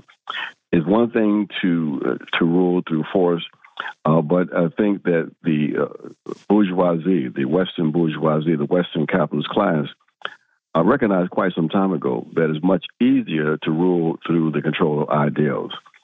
And the, the ability of the U.S. to use ideals in their favor to suggest that they represent a, a positive force in the in the global uh, uh, environment, that they stand up for certain values like uh, democracy and human rights. The whole um, uh, rhetoric in terms of the collective West and the values of the collective West, they're no longer going to have any any currency they they have been exposed to to be what they really are. Um, they've been able to obfuscate the the rule of, of, of the dictatorship of capital for for decades. Uh, now that's been exposed. That basically they are they are about advancing their interests using uh, raw power, uh, force, and violence that was masked with these ideological um, um, instruments. Now that is no longer going to be uh, of use to them. The problem we have, though, and the danger of this, is that um, they are now committed to to being even more brutal, uh, understanding that that they uh, have basically jettisoned any pretext to any kind of uh, commitment to international law and international standards, and that's a very dangerous situation because they still uh, they still have enormous uh, destructive power.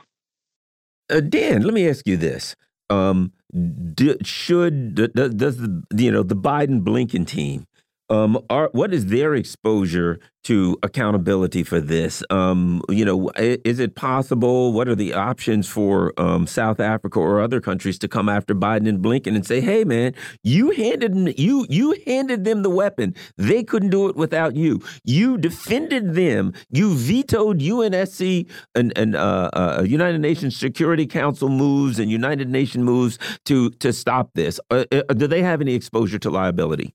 They have huge exposure. And of course, we know South Africa is preparing that case right now. The Genocide Convention itself talks about um, different ways to be found guilty of genocide, and one is to aid and abet a genocide. And not only did, of course, the Biden administration give weapons before October 7th, they can have continued to send weapons to Israel during the genocide.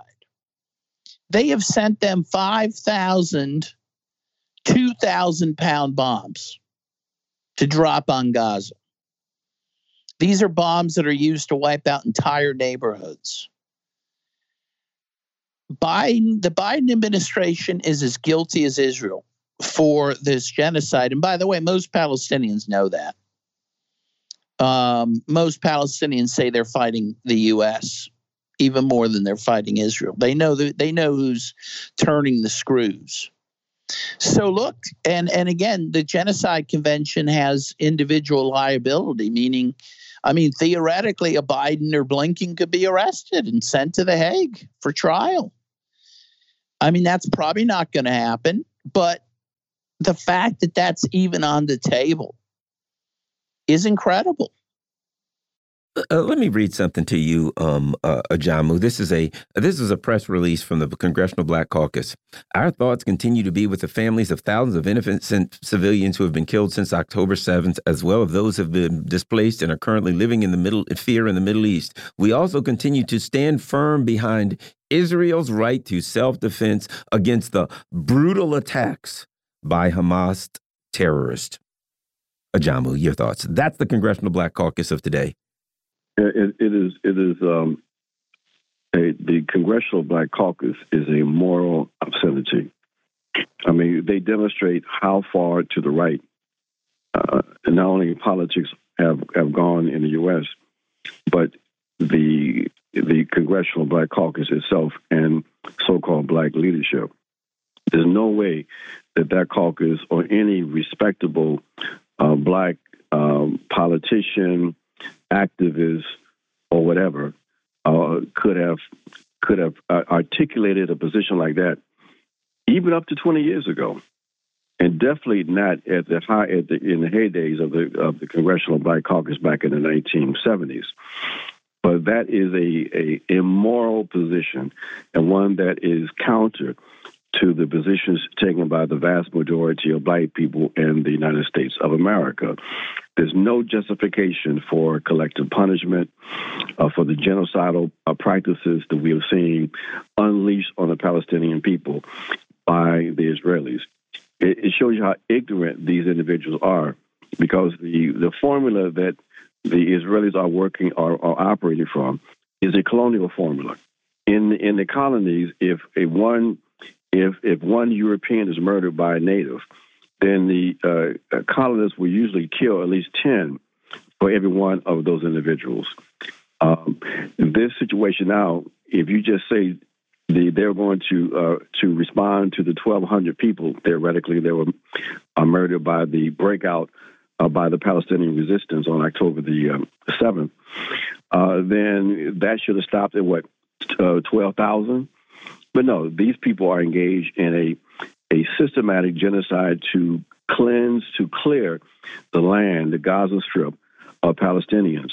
They are murdering uh, to the to the tune of seventy percent of all of the twenty six thousand people that have died, women and children. The the issue is that, that many people are, were also verified. Very few of the Hamas fighters and Palestinian resistance fighters are being are being targeted and are losing their lives. This is a war against the Palestinian people. So this is a a shameful display of, of bootlicking, um, uh, moral uh, depravity from these uh, this this black misleadership class.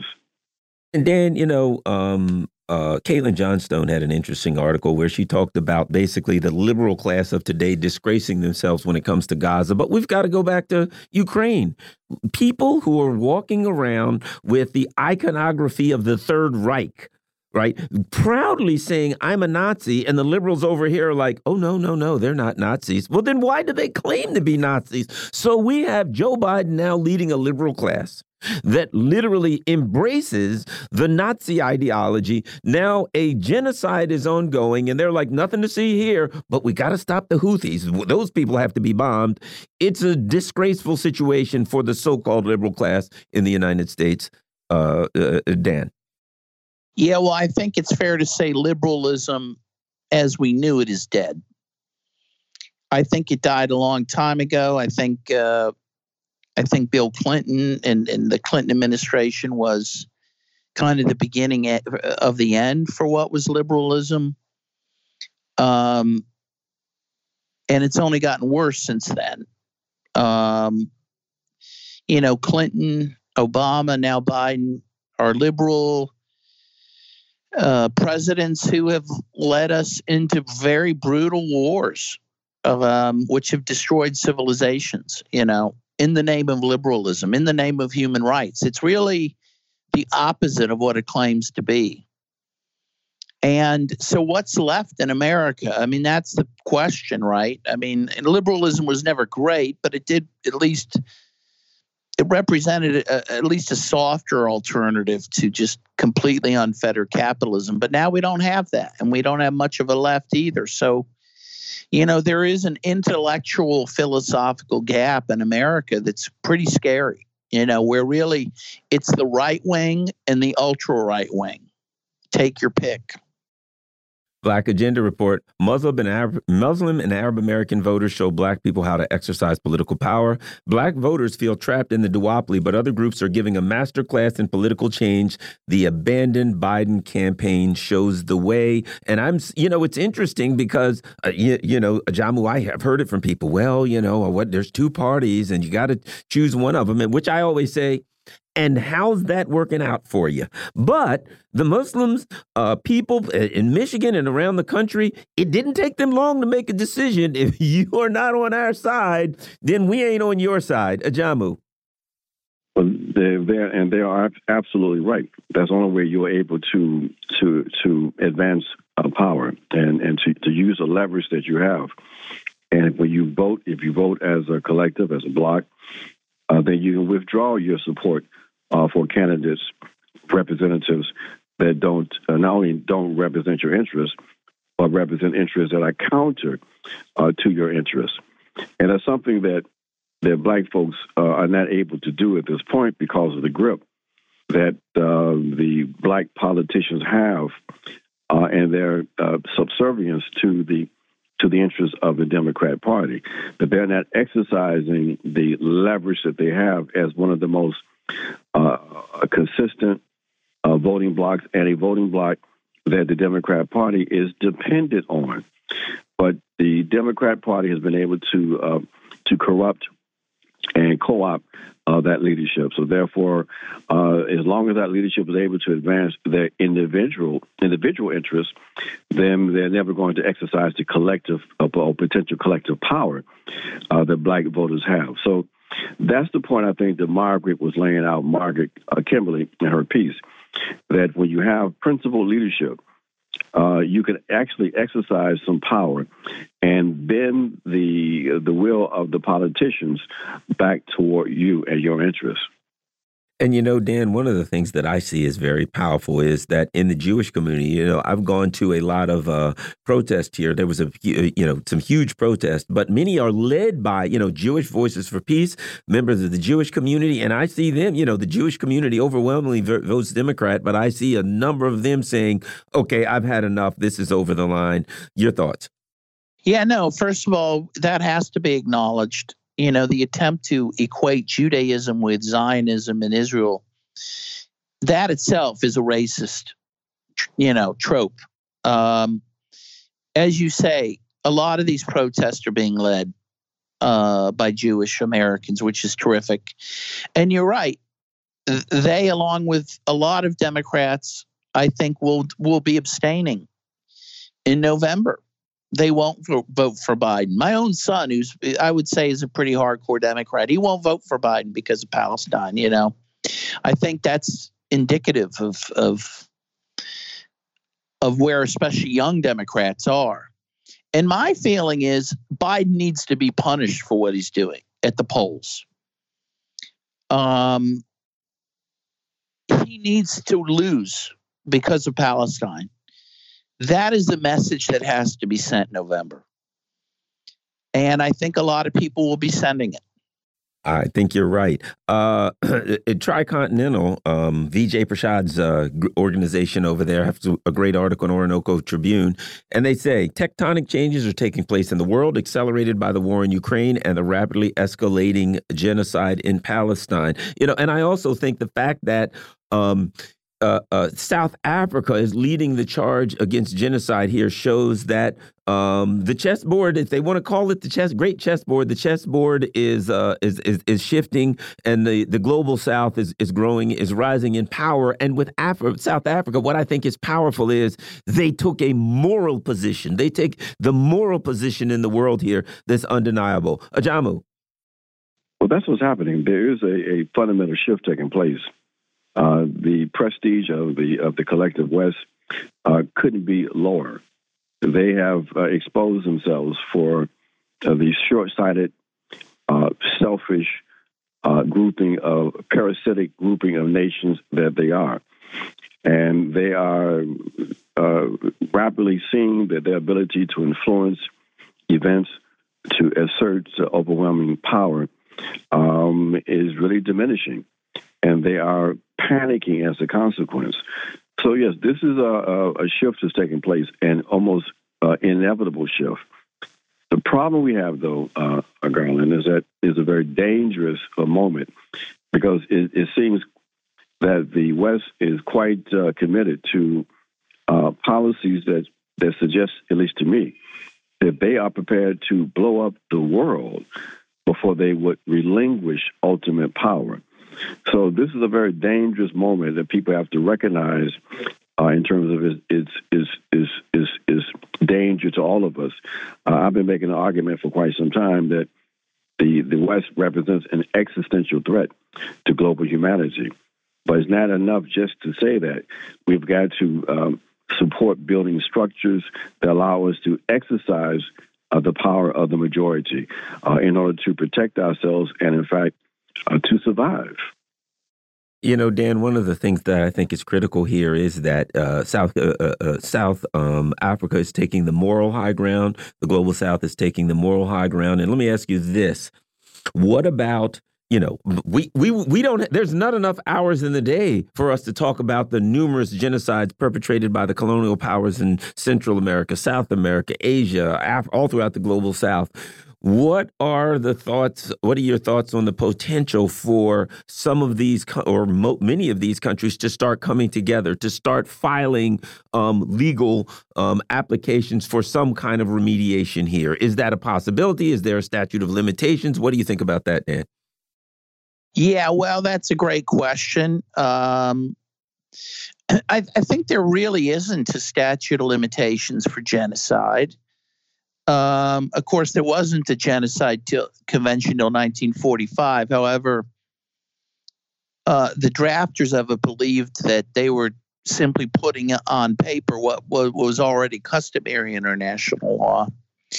So, yeah, I think you could see definitely attempts to uh, bring genocide claims, and and frankly, a lot of them are ongoing anyway. I mean, look at look at the Native American population; they continue to be subjected to various genocidal measures, including the forcible transfer of children from their group to other groups. There's there are genocide cases being brought, for example, in South Dakota because of the massive um, uh, uh, taking away of children from their families by the uh, by the system there and giving them to white parents. Um, and, and it's being alleged that's a genocide. So a lot of these genocides that seem like they're in the past are frankly ongoing anyway.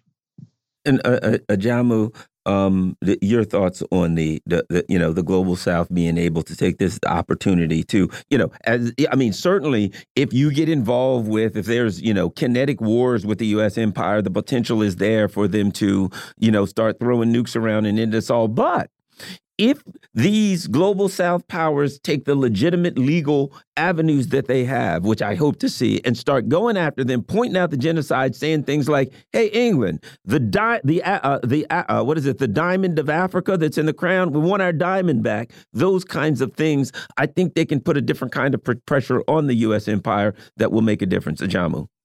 Well, they definitely can put pressure, but it's quite clear with this this genocide that's unfolding in Gaza that the Western powers are not concerned with accountability, that they have been uh, immune from any real accountability for, for decades. And they're quite. Oh, you know what? I hate to stop you, but I just saw we're just out of time. We got about 30 seconds. I, think that they're committed to their power and they are prepared to do whatever they, they need to do, and they don't really care anything about international law or international pressure. They are gangsters and they are operating as gangsters. Sounds like you're talking about Tony Blinken again.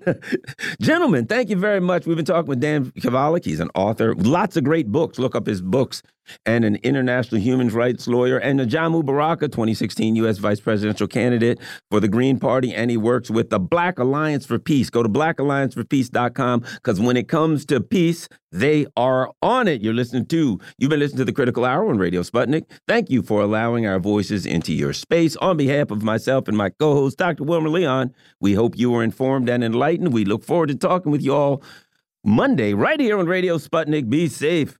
Peace and blessings. We're out.